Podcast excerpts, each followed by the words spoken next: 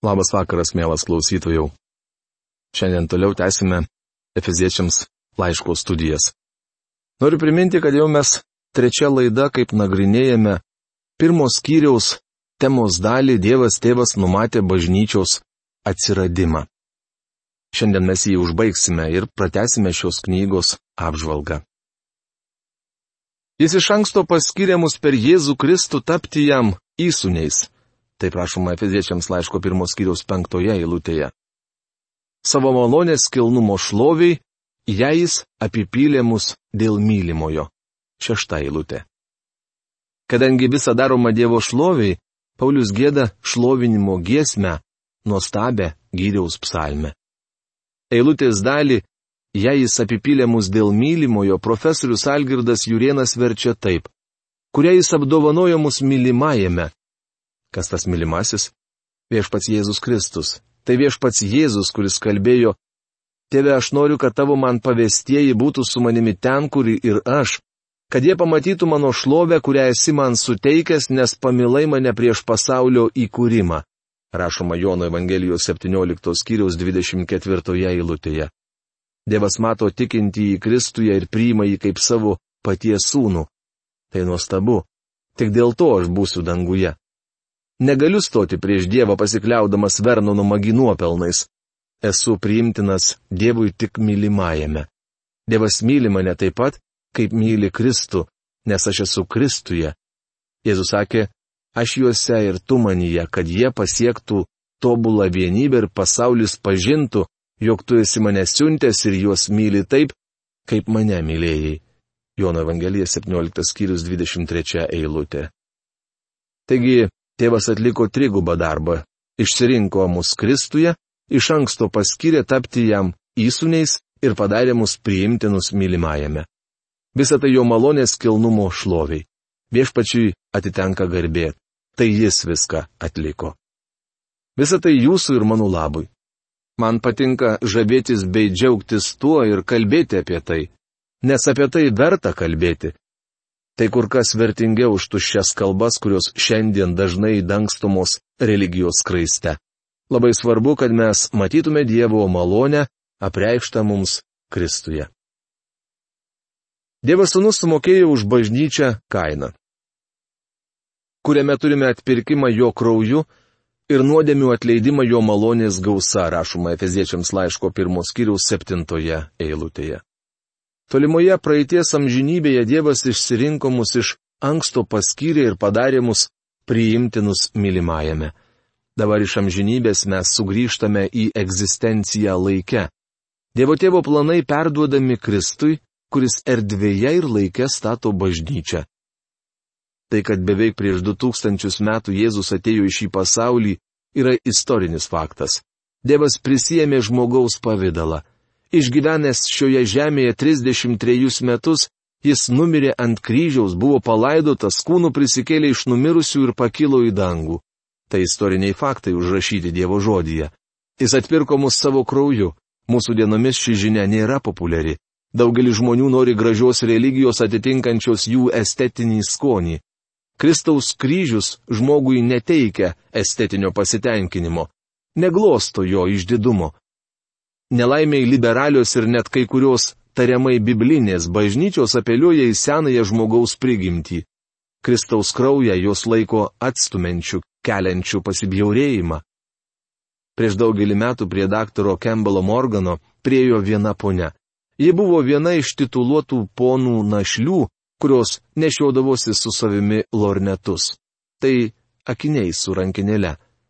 Pažvelgusi į jį pro lornetą ponė tarė, Daktarė Morganai, man nepatinka kalbos apie kraują. Jos kelia man pasibjaurėjimą ir žaidžia mano estetinę prigimtį. Daktaras Morganas atsakė, sutinku, kad Kristaus kraujas atstumintis, bet jis toks tik dėl jūsų ir mano nuodėmis. Bičiuli, atpirkimas krauju gali būti atstumintis tik dėl mūsų nuodėmis. Į didelę Vašingtono miesto bažnyčią atvyko naujas pastorius. Prie jo priejo viena pora ir tarė, Tikimės jūs per daug neakcentuosite Kristaus kraujo kaip mūsų ankstesnis pastorius. Šis atsakė, galite būti tikri, kad per daug Kristaus kraujo neakcentuosiu. Jie patenkinti susižvalgia ir padėkoja rengiasi pasišalinti. Čia naujasis pastorius pridūrė, palaukit minutėlę, kad ir kiek kalbėčiau apie Kristaus kraują, niekuomet nebus per daug. Sekdamas savo pirmtako pėdomis, naujasis pastorius ir toliau akcentavo Kristaus kraują. Žmogui Kristaus kraujas atrodo atstumintis, tačiau per jį mums suteiktas atpirkimas. Kai Dievas tėvas nubraižė projektą, į šią žemę atėjo sunus, kad vinių sužalotomis rankomis formuotų bažnyčią. Visame Senajame testamente kalbama apie kalčių išpirkimą aukojimo gyvulio krauju. Tačiau gyvulių kraujas buvo nepajėgus panaikinti nuodėmių. Tai galėjo padaryti tik Kristus. Laiško hebrajams autorius šią mintį išreiškia taip. Tau nepatiko deginamosios aukos ir aukojimai už nuodėmės. Tuomet aš tariau, štai ateinu kaip knygos rytinyje apie mane parašyta vykdyti tavo, o Dieve valios. Anksčiau pasakęs, aukų ir atnašų deginamųjų aukų ir aukų už nuodėmės tu nebenori, nemėgsti, o jos atnašaujamos pagal įstatymą, paskui jis paskelbė, štai ateinu vykdyti tavo valios. Jis panaikina vieną įdant nustatytų kitą. Dėliai tos valios esame Jėzaus Kristaus kūno atnašavimų vieną kartą pašventinti visiems laikams. Kiekvienas kunigas kasdien stoja tarnauti ir daug kartų atnašauja tas pačias aukas, kurios niekuomet negali panaikinti nuodėmių. O šitas, paukojęs vienintelę auką už nuodėmės, amžiams atsisėdo Dievo dešinėje laukdamas, kol jo priešai bus patiesti tarsi pakojis po jo kojų, rašo Hebrajams laiško autorius 10 skyriaus 6-13 eilutėse. Kuriame turime atpirkimą. Žodis, kuriame nurodo į mylimą į Kristų. Mes esame priimtini mylimajame Kristuje. Atpirkimas yra svarbiausias Kristaus darbas. Graikų kalboje prie žodį atpirkimas pavartotas artikelis žymintis, jog kalbama ne apie šiaip kažkokį, bet apie ypatingą, konkretų atpirkimą. Be to, atpirkimas paminėtas pirmiausia. Taip norima pabrėžti jo svarbą. Dėl šios priežasties Kristus atėjo į žemę. Žmogaus sunus irgi atėjo ne kad jam tarnautų, bet pats tarnauti ir savo gyvybės atiduoti kaip išpirkos už daugelį, rašoma Mato Evangelijos 20 skyrius 28 eilutėje. Jis atėjo užmokėti kainos, kad atpirktų jūs ir mane. Mes buvome nuodėmės vergai, tačiau Kristus užmokėjo už mus kainą, kad išvaduotų mus ir suteiktų laisvę. Naujajame testamente vartojami trys graikų kalbos žodžiai, kurie į lietuvių kalbą verčiami vienu žodžiu atpirkimas. Graikų kalbos žodis agorazo reiškia pirkti turgavietėje. Tai primena namų šeimininkę išėjusią rytą apsipirkti. Pamačiusi šviežių daržovių ar skanių kepinių, įdeda pinigus ant priekystalio. Moteris moka kainą ir nuo to laiko pirkiniai savaime suprantama priklauso jai.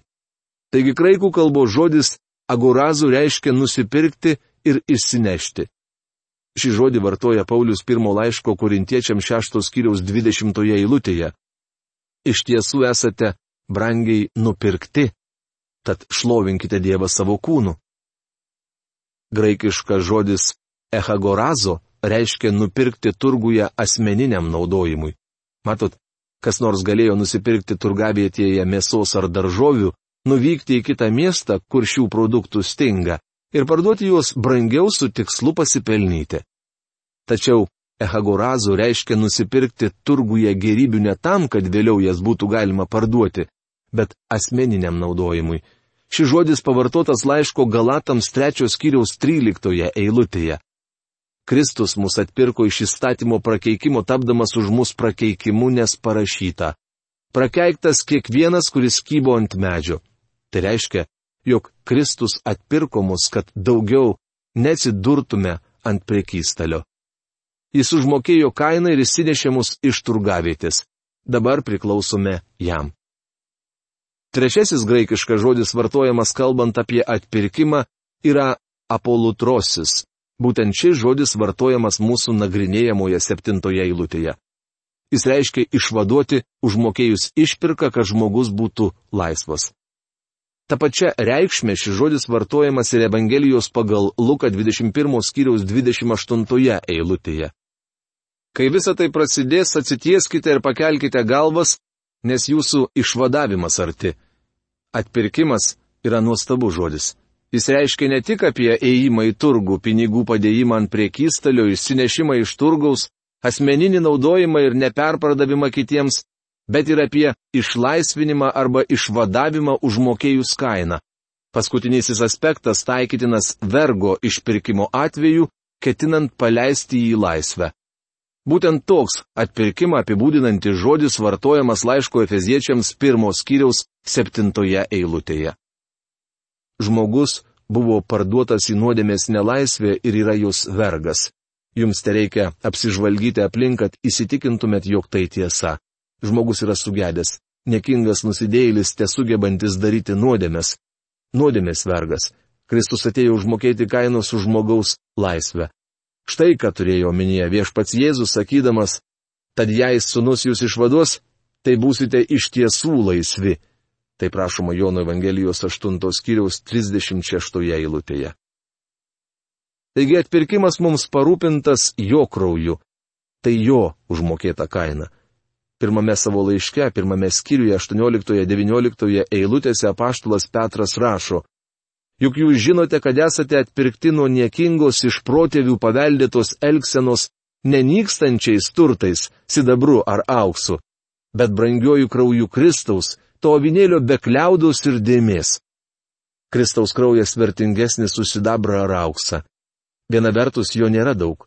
Ribotas kiekis padidina materijos vertę, tačiau iš tikrųjų Kristaus kraujas vertingas ne dėl šios priežasties. Vienas lašas švento Dievo Sūnaus kraujo gali išgelbėti kiekvieną šioje žemėje gyvenantį nusidėjėlį, jei jis patikės gelbėtojų. Mes turime atpirkimą jo krauju Viešpats išgelbsti mus tokiu būdu, nes be kraujo praleimų nėra atleidimo rašoma Hebrajams laiško 9 skyriaus 22 eilutėje. Tai Senojo testamento įstatymas taikytinas visai žmonijai nuo Adomo iki paskutiniojo žmogaus. Mes atpirkti ne jaučių ar ožių krauju, bet brangių Kristaus krauju. Nuodėmių atleidimą Atleidimas nėra sentimentalus pataikūniškos dievybės veiksmas paminantis teisingumą, teisumą ir šventumą. Atleidimas susijęs su kraujo praleijimu. Jis reikalauja bausmės už nuodėmę. Atleidimo pagrindas yra Kristaus mirtis ir jo kraujo praleijimas. Manau, turėtume išmokti skirti žmogišką atleidimą nuo dieviško, tai toli gražu ne tas pats. Žmogiškas atleidimas visada grindžiamas užtarnautos bausmės neįvykdymu, kitaip tariant, sąskaita paprasčiausiai anuliuojama. Dievas šventas ir teisus, todėl dieviškas atleidimas visuomet grindžiamas tuo, kad bausmė įvykdyta ir kaina užmokėta. Žmogiškas atleidimas suteikiamas prieš bausmės įvykdymą. Dieviškas atleidimas priklauso nuo įvykdytos bausmės. Liūdna, nes su tuo susijusi betvarkė visoje mūsų teisinėje sistemoje. Štai kodėl gyvename nežabotoje visuomenėje ir bijome naktį pasirodyti gatvėje. Matot, žmogiškas atlaidumas susipinė su įstatymo teisingumu. Mes kenčiame dėl nepagrysto teisėjų atlaidumo. Sėdėdami teisėjo kėdėje jie mano būsę gera širdžiai, jei paleisi laisvę nusikaltelį.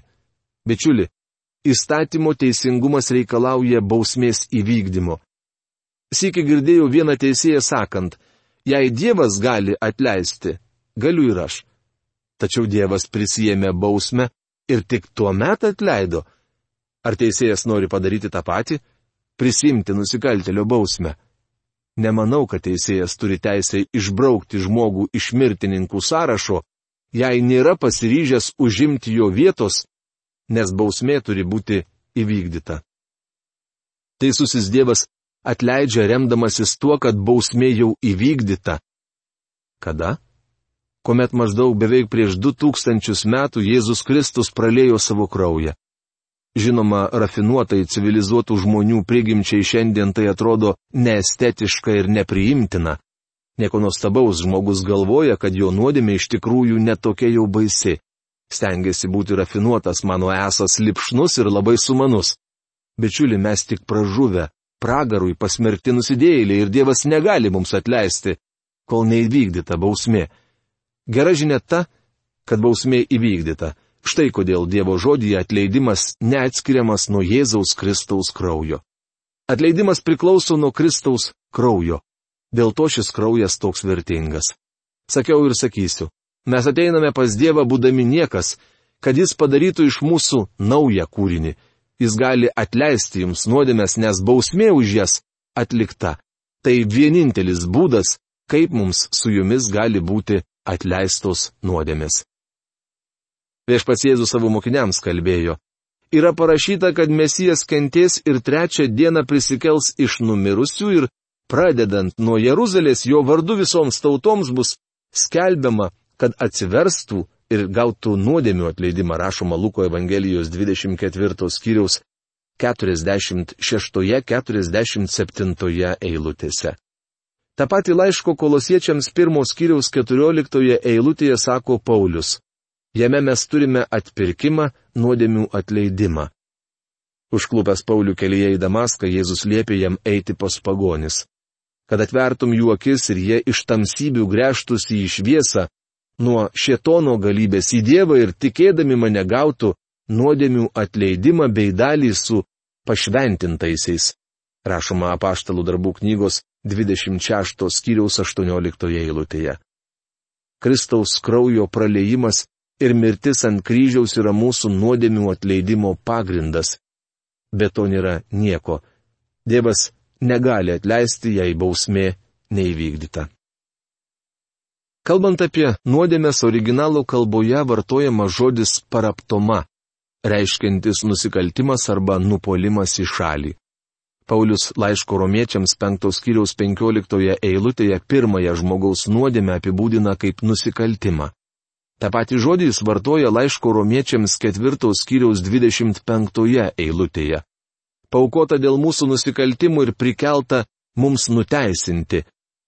Nusikaltimai apima visą sąrašą nuodėmių, kuriomis kaltinama žmogus. Augustinas sakė, Kristus nupirko nusikaltusią bažnyčią, kad padarytų ją teisę. Jis nupirko ją savo krauju, prisimdamas bausmę už mūsų nuodėmes jo malonės gausa.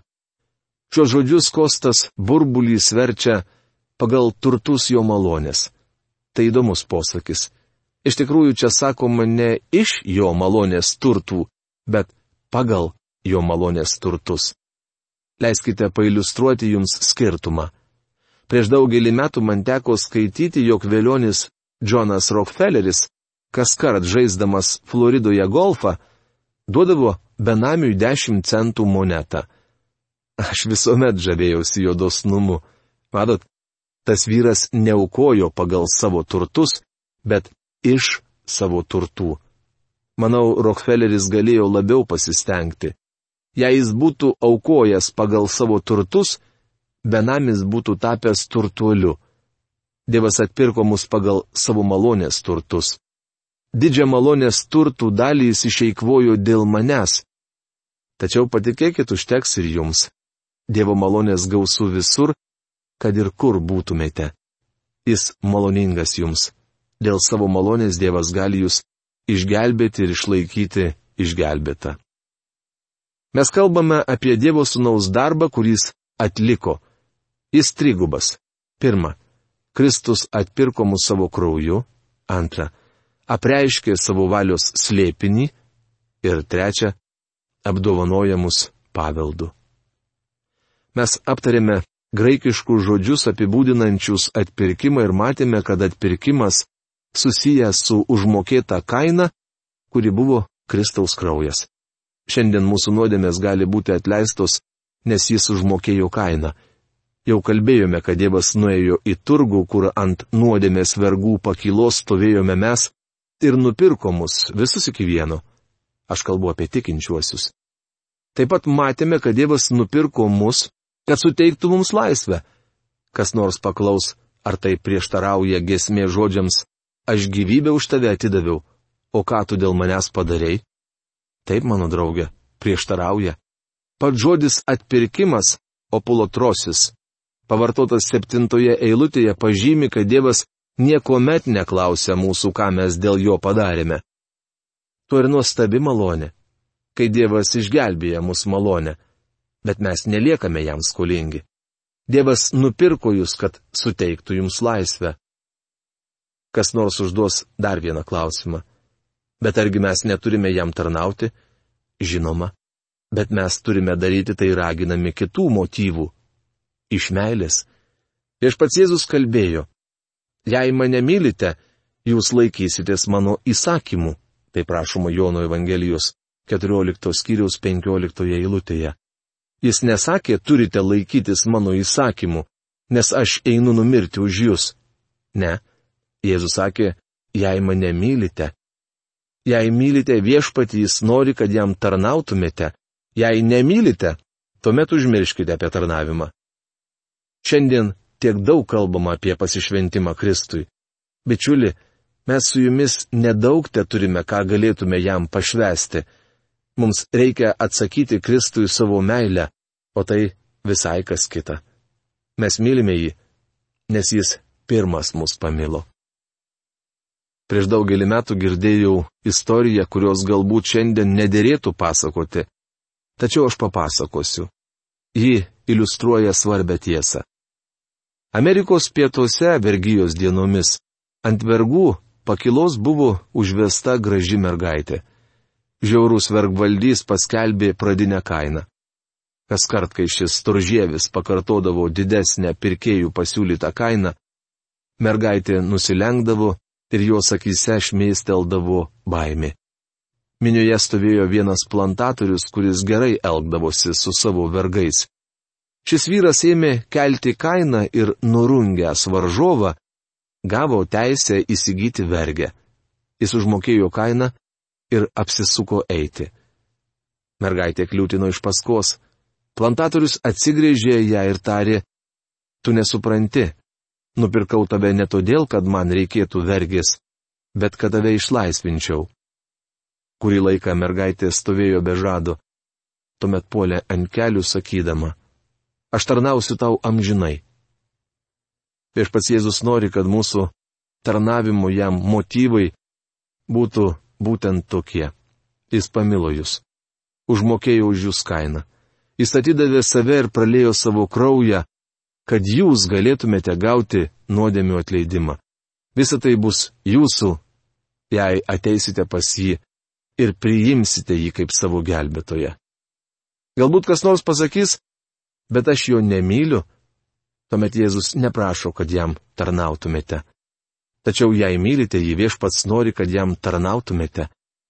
Niekada neužmirškite, kad atpirkimą ir atleidimą jūs turite pagal turtus jo malonės. Mielas klausytojų, gal kai kuriems iš jūsų kyla klausimas, ką reiškia ateiti pas Dievą.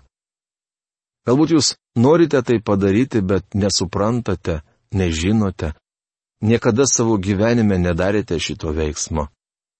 Ateiti pas viešpati, tai reiškia dabar ten, kur jūs esate, suklupti prieš jį, dangiškojo tėvo akivaizdoje ir pripažinti, kad esate nusidėlis, jei toks esate, o toks esate, ir jei tai suprantate.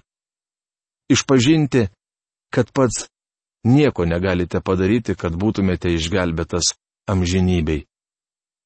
O tada paprasčiausiai pakviesti Jėzų į jūsų gyvenimą kaip viešpatį ir gelbėtoją. Ir tikėti tuo, kad jis atėjo ir apsigyveno jūsų širdise. Pasiimti į savo ranką šventąjį raštą ir šaukiantis jo skaityti. Susirasti Bibliją tikinčią bendruomenę, kurioje jūs galėsite mokintis Dievo mokslo. Toks mano patarimas jums. Nebūkite abejingi savo gyvenimams. Atsakykite į šį ne mano, bet viešpaties kvietimą. O mes susitiksime kitoje laidoje ir pratesime šio nuostabaus laiško apžvalgą. Iki greito susitikimo. Sudie.